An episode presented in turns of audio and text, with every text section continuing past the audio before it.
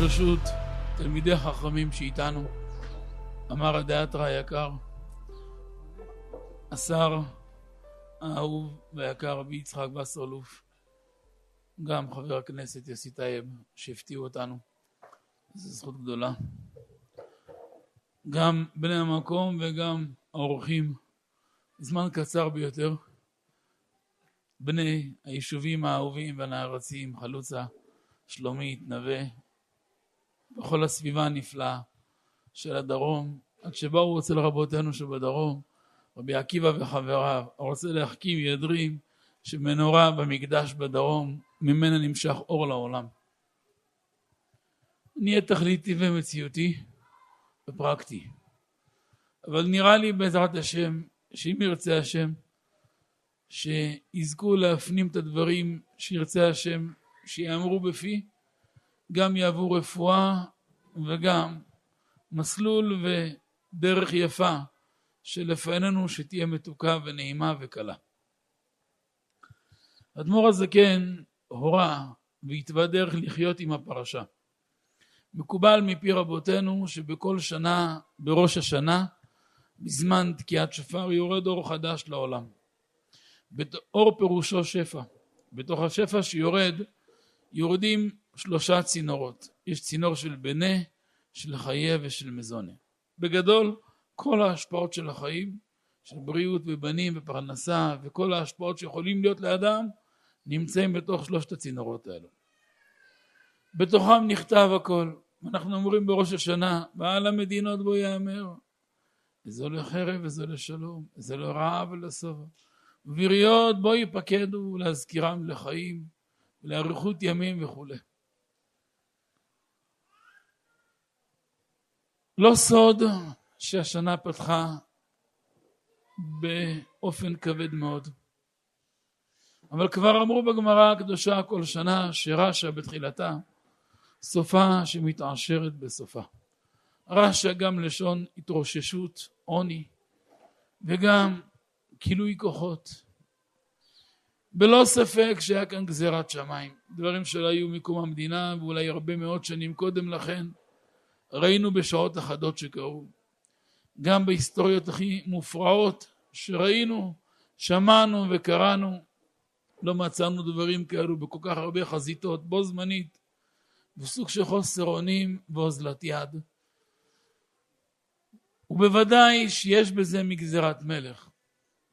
אבל רואים מזה גם עם הפרשה, וגם תשובות למאורע עם הפרשה. הקדוש ברוך הוא מצווה את אברהם אבינו, לך לך מארצך, ממולדתך, מבית אביך, אל הארץ אשר הרקע. אחר כך הוא גם מבטיח לו, ואעשך לגוי גדול, ואברכך, ואגדלה שמך, ויהיה ברכה. אחי וידידיי, מי שטייל קצת במדרשים ובכתבי הקודש, אתם יודעים באיזה מצב היה אברהם אז? הוא היה אחרי היסטוריה ארוכת טווח. אנחנו מדברים על גיל 75, זה בפעם השנייה שהוא מצטווה מהשם לעזוב את הארץ. עשרים שנה קודם, תראו בסדר הדורות, ואז, אז כבר אחרי שהוא גדל ויצא שמו בעולם, אחרי כבשן האש, אברהם נרדף על ידי נמרוד 49 שנים. מהלידה שלו נרדף, תראו סדר הדורות מתאר הכל. אברהם אבינו נרדף על ידי נמרוד כל כך הרבה שנים. ותראו עולם קטן, הקדוש ברוך הוא גלגל, ויהי בימי אמרפל בפרשה שלנו, אמרפל זה נמרוד שאמר לאברהם פה לכבשן האש. השם גלגל דברים והוריד אותו מגדולתו כנגד העלה את אברהם בקנה מידה שלא נתפס ולא ניתן לתאר. אתם מבינים שאברהם מקבל את הציווי לא כאשר הוא איזה דלפון או איזה חתום אבטלה, כאשר כבר היה מלך. יש לו מלך וגדוד ויש לו עולם וכבוד בלי סוף ואהבה ואהדה. פתאום יום אחד הקדוש ברוך הוא אומר לו, לך לך. תעזוב את העיר שלך, את המדינה שלך. מה יותר בטוח על האדם מרחב מחיה מאשר מקום שהוא גדל בו, מקום שהוא גדל תרתי משמע, הצמיחה שלו, הוא יצא מהכוח אל הפועל עכשיו, הוא גדל מאוד, ויצא שמו בכל העולם אז. ופתאום השם אומר לו, תעזוב, תלך. זה לא שאומר לך, תעביר את כל הגוורדיה וכל הצוות שלך ועוד כמה עשרות אלפי משפחות איתך. לך לבד, אישה וילדים, משפחה, משפחה קטנה. יום אחד לעזוב ארמון וממלכה, במעצמה, ומשבר על המשבר מגיע לארץ ישראל פתאום, ויהי רעב בארץ. יורד מצרים. מצרים, ביזיון של הביזיונות, לוקחים לו את אשתו. עסקי מיסוי שמענו, רוצים מיסים שמענו. לקחת אשתו של אדם, 75 שנה חי עם אישה, תגיד לו, תיקח אותה. כל הדברים ההזויים קרו שם. אבל מה התוצאה שיצא משם? יצא משם עם שלם. עד היום כל דבר חותמים, ברוך אתה השם מגן אברהם. יותר מזה, הביא אבא הקדוש רבי יורם מיכאל, זכות רגן עלינו. שם הגאון רבי שמעון שקופ. אלוהי אברהם, אלוהי יצחק ואלוהי יעקב. פתחנו בתפילה בשם שלושת האבות. ברוך אתה השם מגן, אברהם למה? מגן אבות. מגן אברהם, יצחק ויעקב, מעין הפתיחה. למה צריך לשנות מהפתיחה? אם פתחת באברהם, יצחק ויעקב, תסיים באברהם, יצחק ויעקב. אומר רבי שמעון שקופ, הביא אבא משמו, זכותם מגן עלינו. מודה לך, אם היית אומר יעקב, יעקב מה המידה שלו תורה? אז מי שקשור לתורה יגאל, מי שלא קשור לתורה לא יגאל, אי אפשר. תגיד יצחק, מי שקשור לתפילה, העבודה הזאת תפילה. אז מי שבעל תפילה ומתפלל כן יגאל, ומי שלא לא יגאל, גם לא מתאים. מגן אברהם. אברהם זה חסד, אין יהודי שאין לו חסד. המהות של יהודי זה חסד, זה מאור פנים, זה סיוע בתקופה הזאת מעידה על זה בצורה שלא ניתנת לתיאור. בלי ספק, אחיי וידידיי, שהימים קשים. קשים וקשים מאוד וקשים כגידין. קשים ביותר. ימים שאף אחד לא ציפה להם ולא ייחל להם, אבל כאמור הכל בגזירת מלך. פעם הביא הגאון בעל יושר דברי אמת, משלם פייבוש מזבריזה, בקונטרס ראשון של יושר דברי אמת. אמור על החוכמה אחותי את. אחותי את, אשתי את. איפה יש יותר קרבה בין איש לאשתו, בין אח לאחות? ודאי, יש לאשתו. יש יותר שלמות מאשר איש ואישה. זכו שכינה ביניהם. שיש להם כל כך שמחה והרחבת הדעת ונאמנות במסירות. אז תאמור על החוכמה אשתי את למה אחותי. הסביר הרב דבר נפלא. יש שתי סוגי אהבות. יש סוג של אהבה בין איש לאישה. יש סוג של אהבה בין אח לאחות. איש ואישה זה אהבה גדולה. זו מעלה עצומה, זו מעלה נשגבה, זה כוח עצום. אבל תזכרו, חס ושלום, יש גם מצב שיכול להיפרד. גט, חס ושלום. אבל אהבה של אחים היא לא יכולה להיפרד. אומר הרב, אדם לא בוחר את ההורים שלו, אדם לא בוחר את האחים שלו, ואדם לא בוחר את הילדים שלו. אדם נבחר על ההורים האלו, נבחר על האחים האלו, ונבחר לילדים היקרים האלו. תפקידנו כבנים, כאחים, כהורים, לעשות את הכי טוב שאנחנו יודעים, יכולים ומסוגלים. אבל זה לא בחירה שלנו. בחירה יחידה שיש לאדם בעולם זו אשתו. וזו בחירה שהמשענת שלה ועמוד השדרה שלה זה הנאמנות. כשאדם בוחר, אפשר להגיד לו, למה בחרת? או כשאדם לא בוחר, כשאדם נבחר, אי אפשר להגיד לו, למה נבחרת? נבחרת. כמו שאף אחד מאיתנו לא בחר להיוולד בדור הזה, אף אחד מאיתנו לא בחר לעבור את סוללת הניסיונות האלו. את הדברים הכואבים והנוראים והמורטים שיער שראינו בשלוש שבועות האלה. כל אחד בקשר עם העולם, עם הציבור, אנחנו הקטנים כאנשים שמלווים בכל השכבות. הואיל ולא בחרנו, נבחרנו, כלומר זה לא בידיים שלנו. כן בידיים שלנו לבחור איך לקבל את התקופה הזאת. פעם שמעו סיפור מסמר. ניגשתי לסבתא שלי. סבתא הייתה אישה מאוד מאוד פשוטה, מאוד יראת שמיים, אבל נראה לי אחת מהנשים הכי מיוסרות שאי פעם היו, נראה לי. והיה לה מידה מאפיינת, תמיד הייתה צוחקת, תמיד הייתה שמחה, אף פעם לא ראיתי אותה ברגע של עצב. היה לה צדנית עם איזה 80 תרופות, בלי גוזמה. איזה מחלה, לא יודע אם יש איזה מחלה שלא לא פקדה אותה. והייתה תמיד צוחקת, והייתה עובר, עברה משברים שלא נתפסים. אי אפשר בשכל של בשר ודם להבין משברים שהייתה עוברת. יום אחד ניגשתי אליה. אמרתי, סבתא, איך את מצליחה עם כל הקשיים והאיסורים הלא נתפסים שאת עוברת והתמודדויות? לשמוח. אמר לי, הבני, שתי תשובות. תשובה אחת, אני בחרתי בזה. לא, נכון, זה בגזירת מלך.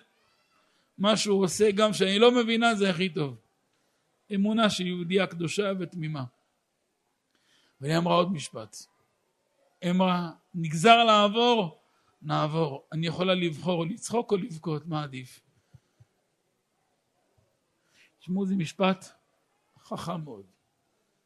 אבל היא עברה את זה. אף אחד מהיישוב לא בחר להיות בזירה הזאת. אף אחד לא העלה על הדעת שעה לפני שיקרה משהו, שרקדנו בליל שמחת תורה עם ספרי תורה, מישהו העלה על הדעת משהו? לא. היינו עד אמצע הלילה בשמחה, שמחה פורצת גדר, קמנו לנץ רגיל, הלכנו למקווה רגיל, לבית כנסת רגיל, פתאום שומעים במכה אחת, נפתחו שמונה חזיתות. אני בעצמי, בית כנסת, פתאום אני שומע אלטילריה בצורה שלא לא, לא נתפס. יוצא רגע להביא את הבנים החוצה, הוא רואה, הופ, מה קורה? אני לא מגזים, אולי חמישים, שבעים טילים אני רואה ברגע. מה, משש וחצי לשבע, מעל שבע מאות טילים, אנחנו רואים אותם. זה עולה לנו כמו פופקורן באוויר, מול העיניים רואים את זה. אנחנו ארבע, חמש קילומטר באוויר, רואים את זה, כל, כל תנועה שם רואים. רואים במרחק הליכה, זה לא... נורא נורא קרוב. ואני תמה, אמרתי, מה זה ריבונו של עולם? והיה, מחילה על הביטוי כמו תופים, מערכת כאילו תופים בשמיים. ובגזירת מלך אין, אין תגובה. אנחנו רגילים לשמוע דברים כאלו, אבל שלוש דקות אחרי, אתה שומע גם מטוס באוויר. פה שעה אחרי, האוויר שקט, רק חד צדדי, ואתה מבין שיש כאן גזירת מלך. פתאום אתה שומע גם יריות, פתאום באים אלינו מכמה מקומות, הגיעו אליי לבית כנסת. הרב, יש חדירה של מחבלים, יש ככה.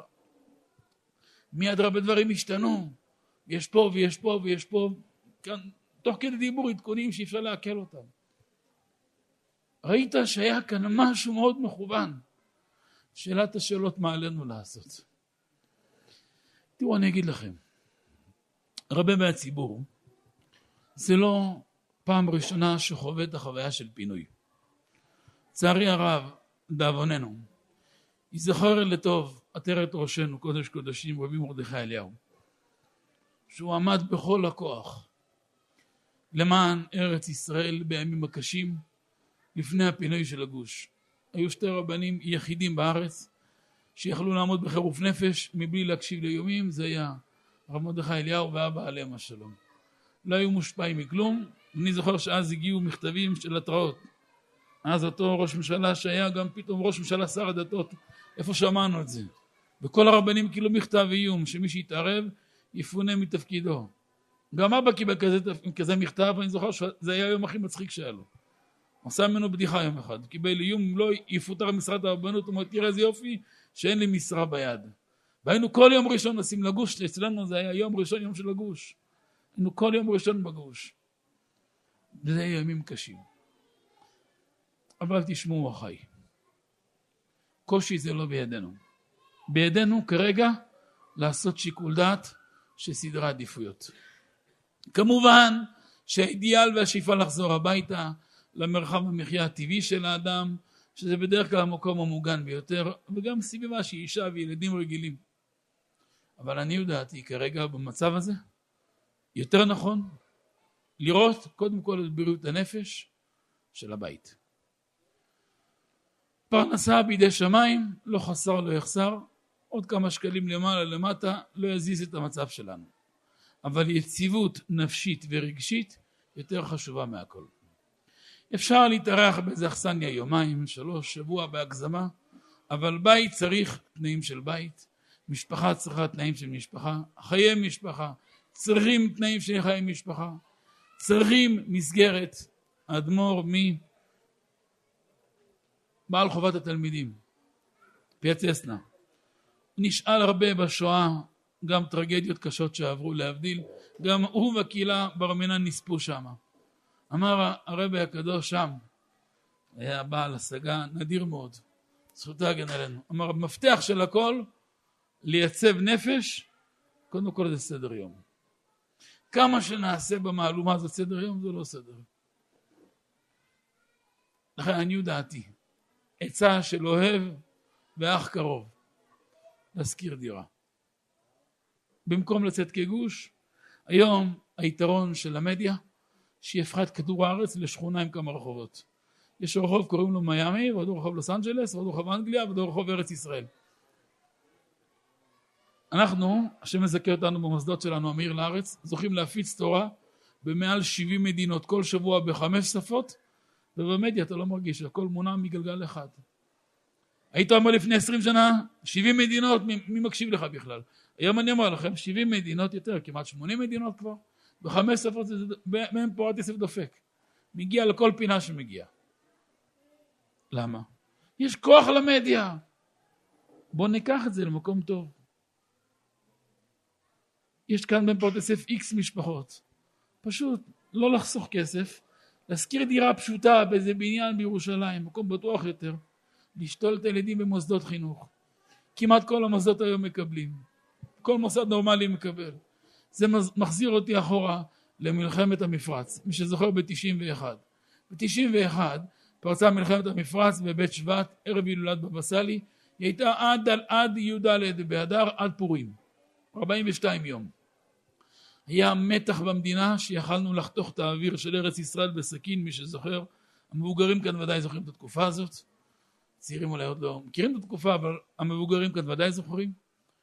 יכלנו לחתוך את האוויר בסכין, היה משהו אחד מאפיין, היה אחדות שאי אפשר לתאר אותה בעם. ואולי האחדות הזאת היא זו שעמדה לנו והיא שעומדת לנו גם היום. האחדות הנפלאה שרואים בכל השכבות הציבור כרגע, זה מתנת שמיים שאין דומה לה. ותשימו לב משהו מפליא.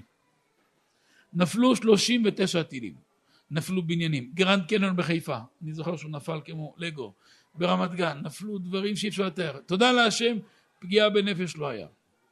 אתם מבינים שעד עכשיו נורו לעברנו, לעניות דעתי כתושב דרום, אולי 30 אולי 50 אלף טילים בלי הגזמה ב-20 שנה האלו. חווינו שמונה מלחמות ב-17-18 שנים האלו. כמות שלא נתפסת. רק אותו יום, עד שש בערב, הם ירו חמשת אלפים טילים. מי שמע על זה בכלל? מי שמע על כזאת כמות? חס ושלום, אם כל טיל היה פוגע, אתם יודעים איפה היינו עומדים היום? אני יכול לעכל את זה בר מינן. קח חמישים, שישים, לא יודע כמה אלף טילים שירו עלינו ב-17 שנים האלו. רסיס של טיל, רק לסבר את האוזן, נפל 100 מטר מבית הכנסת שלנו. 100 מטר. נפל על בלון גז של בניין, שרף בניין שלם. ילד חודש לפני בר מצווה התפרק למאה חתיכות אותו רגע. אבא שלו וסבא שלו נקטעו שתי רגליים, ושתיהם, שלושתם, שלוש נשמות ברגע מרסיס של טיל. אתם יודעים כמה רסיסים? נופצו חלונות בלי מספר, כל השכונה התנפצה חלונות שלה. רכבים בלי מספר. כולם חיים, כולם בריאים, כולם מחייכים, השתבח שמו. אתמול ברכרנו פצועים בתל השומר, בבתי חולים נוספים, במקומות. זה תור נפל עליו RPG, RPG והוא חי. ידיים, רגליים מחוברות, השתבח שמו, מה זה? זה ניסים בלי סוף. אבל יש כאן גזרה שחייב לעבור אותה. זאת ועוד. הטור כתב, הטור כתב שגוג ומגוג בסוכות, תחיית המתים בפסח. אי אפשר להתחמק מזה שביום האחרון של סוכות פרצה מלחמה. מישהו כיוון לזה? אף אחד לא כיוון. מי שהיה בעניינים? אף אחד לא היה בעניינים. אנשים היו בחג, אחרי שבוע של חג. בואו נחשוב רגע כמה חסד השם שזה לא קרה 24 שעות לפני. שכל עם ישראל היה בבתי כנסת ובסוכה כל הלילה. חס ושלום איזה אסון אם זה היה קורה בשתיים בלילה או, או, או במשך כל שבוע של סוכות שכל העם בחוץ. תראו כמה חסדים השם עושה איתנו, שאנחנו בתוך הבית. תשמעו, הרשעים האלו תכננו 100-200 אלף הרוגים. תודה להשם שהשם סיכל את זה. אז שילמנו מחיר יקר. הרבה נשמות יקרות שייקח הרבה זמן לעכל אותן. אבל כל אחד מהם הגן על הארץ, הגן על כל עם ישראל. הם הפכו להיות קדושי עליון. מחלקם יהיה חלקנו, אמרו בגמרא. שם בגמרא המעשה של פפוס בן יהודה היה לזה סיפור אחד, אמרו לו תנאים מחלקך יחלקנו גורלך יגורלנו אלו שמסרו נפשם ממש בגופה. אבל כרגע מה מוטל עלינו? כרגע יש כאן הרבה יהודים בצרה. הם לא נמצאים בסדר יום ולא במסגרת. אז קודם כל מסגרת. ואתם מבינים שבתוך מהלומה כזאת אי אפשר לנהל בית. אז שזה חד פעמי איזה שבוע איזה קמפ נגיד איזה חוויה. אבל לשמור על יציבות נפשית חייב. אני זוכר שהיה פינוי לא תוקום פעם אצל של גוש קטיף את המשבר בחודשים הראשונים. זה לא נתפס. הרבה אנשים איבדו שפיות ואיבדו הרבה הרבה חלקים מאז ואסור להגיע למקום הזה. לכן נראה לי לפחות שאני לוקח ניסיון מהעבר ובעזרת השם גם דעת תורה להזכיר בית. גם היום תודה להשם ליבם של ישראל פתוח באלפים ורבבות אני יודע לאלפי אנשים נותנים אפילו בתים בחינם. אצלי מהקהילה שלי עשרות משפחות פונו מהאזור לא קרה כלום קיבלו בתים בחינם בבת שמש בחיפה בירושלים ב... אפילו בקיסריה חילקו בתים ככה. אפילו בקיסריה. כל מיני מקומות עם ישראל נדיבי לב אבל לקחת בית חודשיים שלוש ארבע כמה ייקח עד יעבור זעם. בגמרא אמרו יש שעות רב השכר קאו היה סוגר את החלונות למה? חבי כמעט רגע. אומרת הגמרא בשעה שניתן רשות המשחית אסור להתגרות בו לא כל העיתים שוות. לא כל העיתים שוות. אז תודה להשם שכוחות הביטחון עושים כל שביכולתם למען עם ישראל וכל ארץ ישראל וזה לא נתפס ואשריהם. הקדוש ברוך הוא שומר עליהם וישמור צאתם ובואם ויחזיר את כולנו. בריאים ושמחים הביתה. אבל כרגע מה עושים עלינו? קודם כל יציאה מה, מהאלומה. הפרדה הזאת היא בריאה, זה לא הפרדה, קבוצות נשארות קבוצות, היישוב נשאר מאוגד ומאוחד וכולם ביחד, אמר הדתרא נשאר אמר הדתרא, האווירה נשארת אווירה, אבל כרגע תפוס דירות, לא מלון, דירות. תשמעו לי דירות, קחו בניין איפה שיש, בניין שלוש ארבע חמש חדרים, דירה מרועטת, פשוטה, קדימה. אפשר לחיות, אפשר לקיים בית, יש חדר בנים, חדר בנות, יש פינת אוכל, יש מטבח, יש מקום לבשל, אפשר סופר לקנות קניות, אפשר לנהל בית, ברכה והצלחה. שלב שתיים, לפתול את הילדים בבתי ספר. מוסדות חינוך נפלאים. מוסדות חינוך כולם מקבלים, כולם בתקופה הזאת מקבלים. אני זוכר שהייתי בחרת המפרץ. אנחנו היינו כבר תלמידים יותר גדולים, אני זוכר בתלמוד תורה שלנו היה המון תלמידים ממרכז הארץ. אנחנו היינו נקראים אזור ו', הארץ שיחקה לשש אזורים, והיו הרבה תלמידים, חודש וחצי למדו איתנו בכיתה, אבל היה להם מסגרת, בתל אביב לא היה מסגרת, אצלנו היה מסגרת. אבל הרווחנו שוב דעת, היום יצאו מהם תלמידי חכמים. דבר נוסף, כל מעבר יש לו השלכות לנפש. חשוב מאוד לזכור, במשבר אפשר או למנף אותו ולטפס, או להתרסק וחס ושלום למות. למות אולי לא מיתת הגוף או מיתת הנפש, זה גם מיתה. משבר זה קרש קפיצה. אם אדם חכם ינצל משבר לסולם עלייה ויגיע למדרגות נפלאות. דעו לכם, גדולי ישראל והמצליחים זה לא אלו שחיבקו ידיים, זה אלו שהתמודדו במשברים ומינפו כל משבר למקום נכון. חוכמה למנף את המשבר. אבא הקדוש הרב יורם זכות להגן עלינו נראה לי אחת הדמויות שעברו בלי סוף משברים ורדיפות. הכוח שלו היה לקחת כל משבר ולמנף אותו. על דרך שאמרו בש"ס אמר רבי יוסי כל גל שבא הנעתי לו בראש. בא גל תוריד ראש הוא עובר תרכב עליו. אתה יודע מה הרווחתי? שהגל קידם אותי עוד מאה מטר. עוד מאה מטר שלא יכולתי להגיע זינקתי וככה התקדמו. התקופה הזאת היא תקופה קשה. כאמור לא בחרנו אותה, נבחרנו אליה. העבודה שלנו כרגע למנף את זה. איך ממנפים את זה? אז כמו שאמרנו, קודם כל, לדאוג לתנאים של חיי משפחה. ולשים לב שלא עובר יום, כדאי לכם לרשום את הנקודות שאני אומר לכם. לא עובר יום שאתם לא מקדישים שעה, שעה וחצי, לשבת עם האישה היקרה.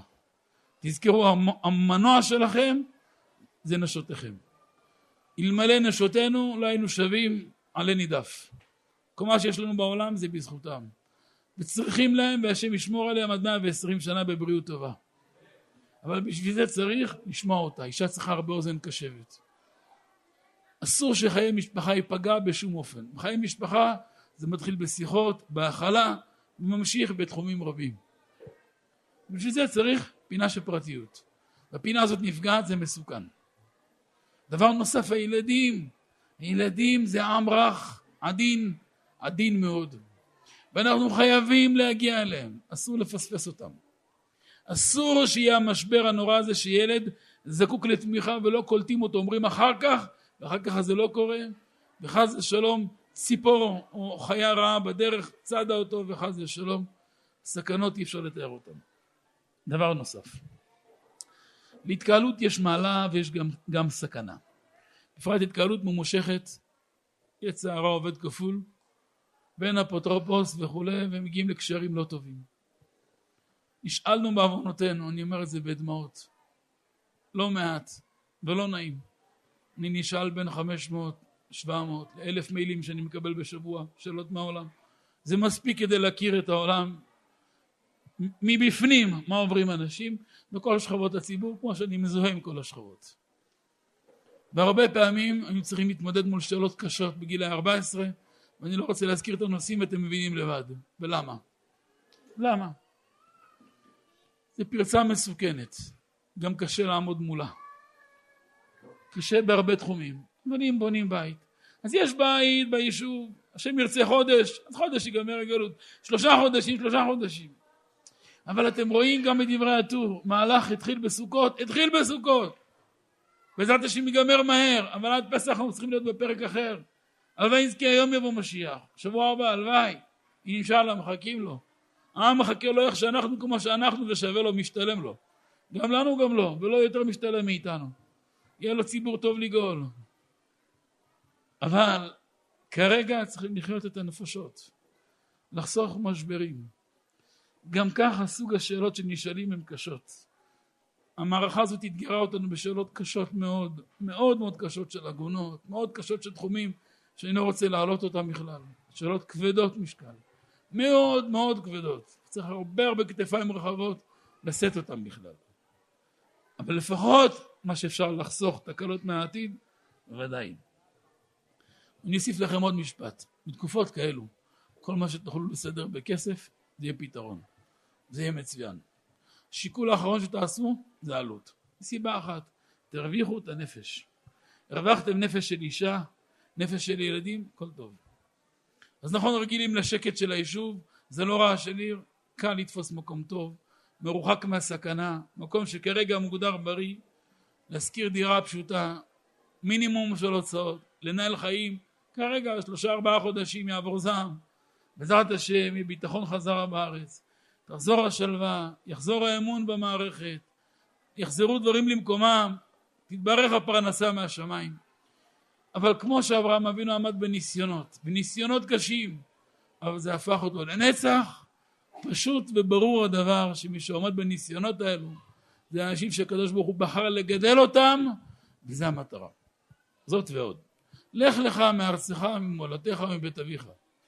אומר האדמו"ר הזה כן כאן החל לעבודת הבירורים. כי לכל יהודי יש שליחות ותזכרו שאת השליחות שלו רק הוא יכול לקיים ולא אף אחד אחר. אף אדם לא יכול לקיים שליחות במקומך. ואם נבחרת לשליחות הזאת אף אחד לא יכול להחליף אותך. בחלב הארץ חלק ז', בהקשר אחר הבאנו מעשה נורא. פעם שלמה המלך, שנאמר עליו וישב שלמה על כיסא אדוני למלך, כיסא אדוני, תראו גמרא סנהדרין, שבח שאין לו סוף. תשמעו דבר מסמר עכשיו. שלמה המלך בוקר אחד יוצא מתפילת שחרית, בארמון, רואה את מלאך המוות עצוב. שלמה שלט בכולם. אומרת הגמרא, שאני שלמה מלאך גם בעליונים. למה אתה עצוב? אומר אדוני המלך, אני כבר שבוע הקדוש ברוך הוא פקד עליי לקחת שתי שרים יקרים שלך ואני לא מצליח. אמר מי הם? אמר פלוני ואלמוני, לכאורה יפה. אמר שלמה מה פתאום אנחנו צריכים אותם הם הכי נאמנים למערכת. אמר בסדר. קרא להשמדי. השמדי זה מלך של השדים. כל אלף שנים מתחלף וכל מלך כמו פרעה נקרא פרעה במצרים. ושם כל מלך נקרא בשם הזה. יש להם שם אחר, שם העצם שלהם, אבל הוא קרא למלך של אז, גם הוא היה כפוף לשלמה. קח את שתיהם לעיר לוז. מה זה לוז? לוז, עיר שאף פעם לא דיברו בשקר. בגלל שלא דיברו בה אף פעם שקר, לא, לא שולט שם המלאך ולא מתים שם. היא נמצאת במקום נסתר, גם הכניסה אליה נסתרת. הגמרא מספרת על המורה אחת שהיה גר שמה, ויום אחד נקשו בדלת, אישה אחת, שכנה, ביקשה את האישה. היא מחילה מה קבוע איתה רוחצת, לא היה נעים להגיד, להגיד רוחצת. היא אמרה, הוא לא כאן, יבוא עוד חצי שעה. הלך לחדר, ראה הבנים שלו מתו. מתו אותו רגע. אוי ואבוי. אמרו לו כל בני העיר, קח את הגופות, עכשיו צא מהעיר. אל תגרה בנו את מלאך המוות. למה שיקרת? אמרו לא שיקרת, אמרו שיקרת. היית אומר עסוקה, למה אמרת לא כאן? כל כך דקדקו שם. פספוס. אמר שלמה להשמידה, קח את שתי השרים לתוך העיר, שמור לי עליהם, ככה הם יחיו. יעבור זעם, יחזיר אותם. למחרת רואה שלמה את המלאך צוחק. למה אתה צוחק? כמו תודה לך, עשית לי את העבודה. כמו למה? הקדוש ברוך הוא גזר עליי לקחת אותם בכניסה של העיר לוז. לא ידעתי איך אני מביא אותם ללוז, הבאת לי אותם עד לוז. במילים פשוטות לכל כדור יש כתובת. אנחנו יכולים לעשות את המוטל אלינו ברמה אנושית, לא מעבר. כל מה שמושגים שבשר ודם יעשו, יכולים, חובה עלינו לעשות, אבל לא מעבר. לא מעבר. לא מעבר, לא מעבר, לא מעבר. כי אחר כך אם נשים מעבר מאבדים שפיות, ואז מאבדים את המשהו הכי יקר שלנו. עיקר האדם זה הדעת שבו. לכן אני יודעתי תקופה כזאת, מה שצריך לעשות קודם כל, דבר ראשון, להשכיר דירה, הפרד ומשול. להיפרד מהחבורה זה לא פרידה, זה חיבור. המדיה יישאר מדיה, הרב ימשיך למסור שיעורים בקבוצות, הודעות חברתיות, הכל יכול לעשות בצורה מכובדת וצנועה בין נשים, בינם לבין עצמם, בין הגברים, בין המשפחות, קדושה ביראת שמיים, כדרכה של תורה, אבל לשמור על הבית, לשמור על הקן הפרטי. אחר כך חינוך של הילדים לשתול אותם, אבל הם לא רגילים, אז יתרגלו, זה חלק מהמסגרת עכשיו, זה מה יש, זה מה יש. רק לשים לב מסגרת של תורה ולא מקום שילמדו דברים רעים. אפשר לקחת את המקום יותר רוחני, לנצל את זה, לחזק את הבית, להעצים את הבית. דבר נוסף, שימו לב, אתם ראשי המשפחות. הלחם כל הבית נשען. הגמרא אומרת שהאישה תלויה בבעלה. הילדים תלויים בו ובה, אבל היא תלויה רק בה. רק בו. היא תלויה רק בו. הוא תלוי במי שאמר והיה עולם. תזכרו, אתם תלויים רק בקדוש ברוך הוא. אסור לכם להיות חלשים לרגע. בתקופה הזאת חייבים להיות גיבורי כוח. עיקר הגבורה שלנו זה בלב. מרן כותב בפתיחת שולחן ערוך יתגבר כארי לעמוד בבוקר. שואל הגאון היפה ללב, למה כמו אריה? הפיל יותר חזק מאריה. יש הרבה בעלי חיים יותר חזקים מאריה. מה הריבותא של אריה? שמעו טוב. פעם, לפני 200 שנה מספר יפה ללב, הלכו מדענים גיבורי כוח ליער שיש בו חיות. לכדו אריה, לכדו אריה, תראו איזה כוח היה להם, כיסו את העיניים שלו, את כל הראש, את העיניים שלו עם רעמה שחורה, קשרו את זה חזק. אותו רגע האריה איבד כל הכוח כמו כבש. מושכים אותו כמו כבש, יתלו בו שלוש שעות. כלומר כל הכוח שלו איפה נמצא? בעיניים. אז איפה הגבורה שלו? אומץ. אומץ הלב אין כמו אריה. באומץ אין שני לו.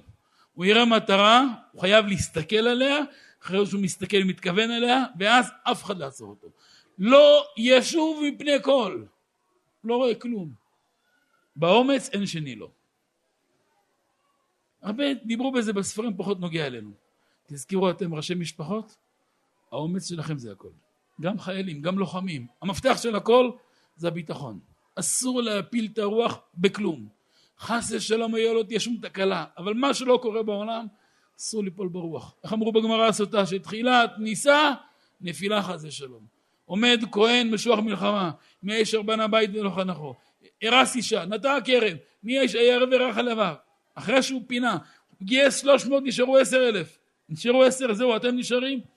פתאום התחלנו מערכה, מישהו מבטא חולשה, אומרת הגמר הרשות בידם לקפח את שוקיו, שבור לו את הרגליים. למה?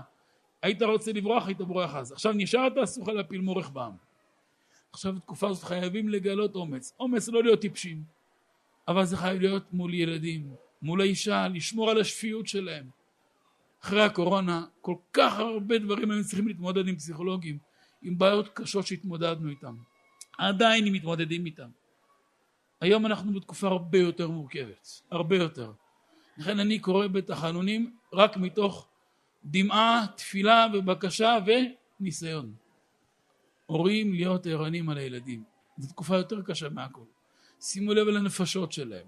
אל תיגררו אחרי המדיה, המדיה סוחפת לא למקום טוב. היא לוקחת אחורה, לא לוקחת אותנו קדימה. מספיק מה שצריכים להיות מתוקשרים, וגם זה די, די בזה והרבה בזה. לא לשים לב לשמועות. יש שמועות, יש ידיעות מבוססות. מה שלא מבוסס, חבל להכניס לבית ספרנו. ב', סדרי עדיפויות. ג', בסדרי עדיפויות קודם כל אישה יקרה. אישה מעל הכל זה בעלה. בני זוג זה אחד, זה לא שתיים. אוי ואבוי ליום שהם נהיים שתיים. בני זוג זה אחד. אחר כך ילדים העיקריים. משם מתפרסים הלאה. חברים תמיד טובים, אבל גם לא ניפגש שלושה חודשים, זה לא יפגע בחברות שלנו. יש חבר שלא פגשתי שלושים שנה, ופגשתי אותו דקה אחרי שלושים שנה, בפחות מדקה חזרה חברות יותר ממה שהייתה. שלושים שנה לא עשו כלום. לא, זה לא יפריד. אבל הרווחנו נפש שפויה, נפש מיושבת, לב שלב, אישה שמחה, ילדים מיושבים, חוזרים חזרה ליישוב עוד שבוע, עוד חודש, עוד חצי שנה, הכל בסדר, כולם שמחים בבני העלייה. אסור שמישהו יצא מהמערכה הזאת מפורר ומפורק. תזכרו, לא בחרנו, נבחרנו. ועוד, יש שליחות שלנו, אם השם שם אותנו בדור הזה, במצב הזה, זה השליחות שלנו וחובה עלינו לעמוד בשליחות הזאת. ואף אחד לא יכול לעשות את השליחות במקומנו. אני מתנצל שקצת הארכתי לכם, אבל אלו דברים של מים קרים על נפש עייפה. לפחות מכמות הפניות שאני מקבל ביום, ברמה יומית. אתמול למשל ישבתי ארבע שעות, השם עזר לי לענות שלוש מאות מכתבים. מיילים שהגיעו מהעולם וארבע שעות, סייעתא דשמיא. אחד יותר עדין מהשני. שאלות מאוד מאוד עדינות. ונראה לי שמה שאמרתי תרופה לכל השלוש מאות. בלי גוזמה. וכהנה רבות, ונראה לי שכדאי לקחת את זה בכובד ראש עד שתשקלו לעבור לפה או לעבור לשם. לעבור זה חובה, אבל להשכיר דירות. לדאוג לפרטיות של הבית. לקבוע זמן של בין אישה לבעלה, חייב להיות זמן. אז אין עבודה לא נורא, תמצאו תעסוקה אחרת. אבל זמן חייב, בסדר יום. אצלי בבית גם, אמר לה, שתף אתכם. אין בית ספר, אין לימודים, אין כלום. אז אפשר יום, יומיים, אז מה, נתחיל, נהרוס את החיים? לא. גם אני שיניתי את היום שלי בהתאם למצב הזה. אבל תלינו בבית סדר יום, לילדים העיקריים, שילדים קטנים צריכים סדר יום, הם צריכים סדר, מה הם אשמים? הם צריכים לקום, הם צריכים ללמוד קצת, הם צריכים קצת לשבת עם אבא, קצת עם אמא, קצת למידה, חייב למידה. אם לא מעסיקים את הראש בתוכן, הולך לשטויות. יש כאן אנשי ציבור שיעידו על זה מהניסיון שלהם. לכן א' ב' זה הריכוז הזה. ודבר אחרון חביב מה שאמרו בגמרא כתובות. שם הגמרא מדברת, גם אישה מאוד מאוד עשירה שמתחתנת יש לה עובדים ועובדות, עבדים ומשרתים, יש דברים שבעלה יכול וצריך לחייב אותה שרק היא תעשי. למה? מה שבטלה מביאה לידי שעמום, רש"י כותב שעמום, שיגעון, או בטלה מביאה לידי זימה. זימה לא צריך ביור, זה מספיק אוהב, וצריך לפתור את זה, איך מזכירים דירה, הפרדה, הפרד ומשול, שומרים על הבית, שומרים על האיכות, על החינוך, כל דבר לזמן, ממילא פתרנו בעיה אחת ברובה. אבל השעמום, חוסר מעש, גם פה לייצר.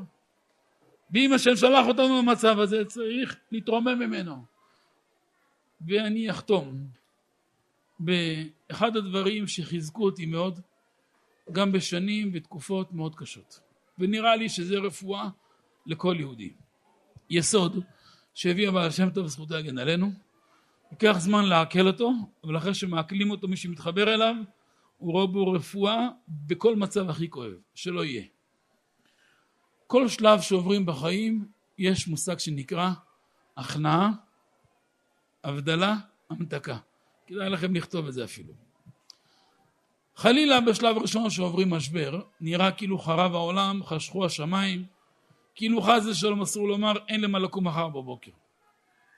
ונראה לאדם שהוא במשבר הכי קשה בעולם, וכל העולם אחריו, וייתכן ובאמת המשבר הוא נורא נוראות.